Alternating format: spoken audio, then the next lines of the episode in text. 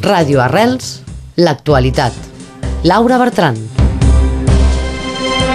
Estem en companyia de l'Andreu Jofre, creador i president del Pol de Competitivitat d'Herbi. Bon dia. Bon dia. Hem de parlar d'Agora Sun, que ha obtingut uh, un mercat sobre l'autoconsum. Sí, és a dir que en aquest barri de que, que és de Tecnosud, d'Agrosud, tot això, anem a compartir l'electricitat que serà produïda localment. És a dir que anem a posar panels solars, col·lectors solars sobre la, els pàrquings, eh, totes les zones eh, públiques que ja són, eh, són utilitzades per fer altra cosa i anem a compartir aquesta electricitat entre 150 veïns que van a consumir aquesta electricitat. És a dir que l'electricitat solar passarà per la xarxa elèctrica al mateix temps que l'electricitat que ven de, de lluny, diguem, que ven de, de, de, de, les, de les centrals elèctriques tradicionals. No demanarà més infraestructura. No, és això l'important, és que eh, fem una central solar, injectem l'electricitat sobre la, la xarxa i després el mateix comptador permeteix de comptar això és una mica el miracle de la tecnologia, l'electricitat que ve de l'energia solar i l'electricitat que ve de la xarxa. I serà el mateix preu? No, serà molt més barat perquè no hi haurà el preu de, de transport d'electricitat, serà produït localment i doncs, bon, en primer, primer, primer càlcul, diguem, serà més o menys de la meitat del preu.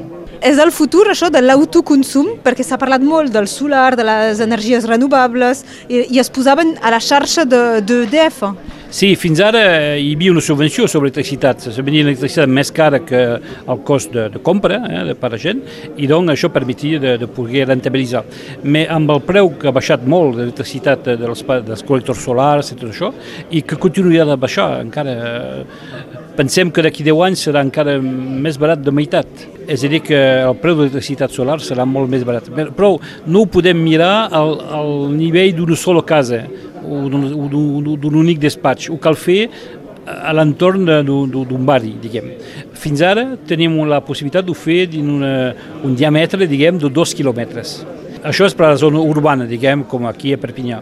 Si ho fem en la zona rural, serà possible de fer amb un diàmetre de, un disc que fa un diàmetre de 40 quilòmetres. Això serà permetre de fer coses molt interessants. Per exemple, amb la central solar de Temis es podrà donar electricitat a tota la gent de la Cerdanya. Aquest és un projecte pioner i és això, espereu poder-lo desenvolupar en, en més llocs, en més zones d'aquestes. Sí, sí, clarament aquest projecte per poder-ho fer hem tingut de fer canviar la llei i heureusament és que hi ha una, un canvi, de, diguem, una, una directiva europea que permeteix això i doncs eh, ten, tenim, tenim ara la possibilitat de, de fer la transposició d'aquesta directiva en dret francès que ens permetrà de fer el que se'n diu una comunitat d'energia renovable. Andreu Jofre, com és que el Pol d'Herbi sempre és en, és en avança, és dels primers a fer els projectes? No, perquè hi ha, una, hi ha un ecosistema aquí, que hi ha molta gent, moltes empreses, hi ha una voluntat també d'anar de, de tirar endavant, i a més això és que estem, estem vivint ara una, una, una període no, no és la, la del Covid, eh? no, d'un punt de vista tecnològic és molt interessant el que passa perquè aquesta baixada dels preus de l'energia, l'augment de, de rendiment dels panels, tot això, permeteix de tenir una, una, una visibilitat i una evolució de la tecnologia que mai s'havia vist.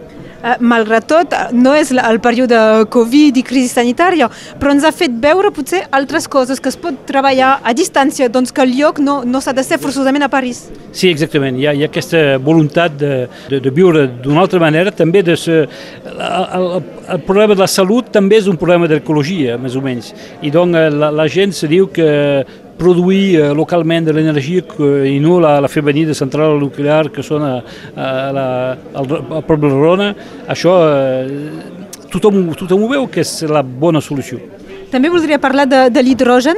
Sí, l'hidrogen és una manera d'estocar l'energia perquè bon, de tota manera l'electricitat solar, per exemple, no funciona a la nit, doncs tenim són bateries per poder fer, o una manera, altra manera d'estocar és de, de fer hidrogen, i això també és una possibilitat que està desenvolupant. Els alemanys són poden, poden molts diners amb aquest, aquesta tècnica, més de 9 miliards d'euros, de, i aquí a França estem una mica, una mica endarrere, la, la regió Occitania té una voluntat i ha posat eh, més o menys un pressupost de 150 milions per poder desenvolupar aquesta tecnologia, però no és suficient al nivell nacional.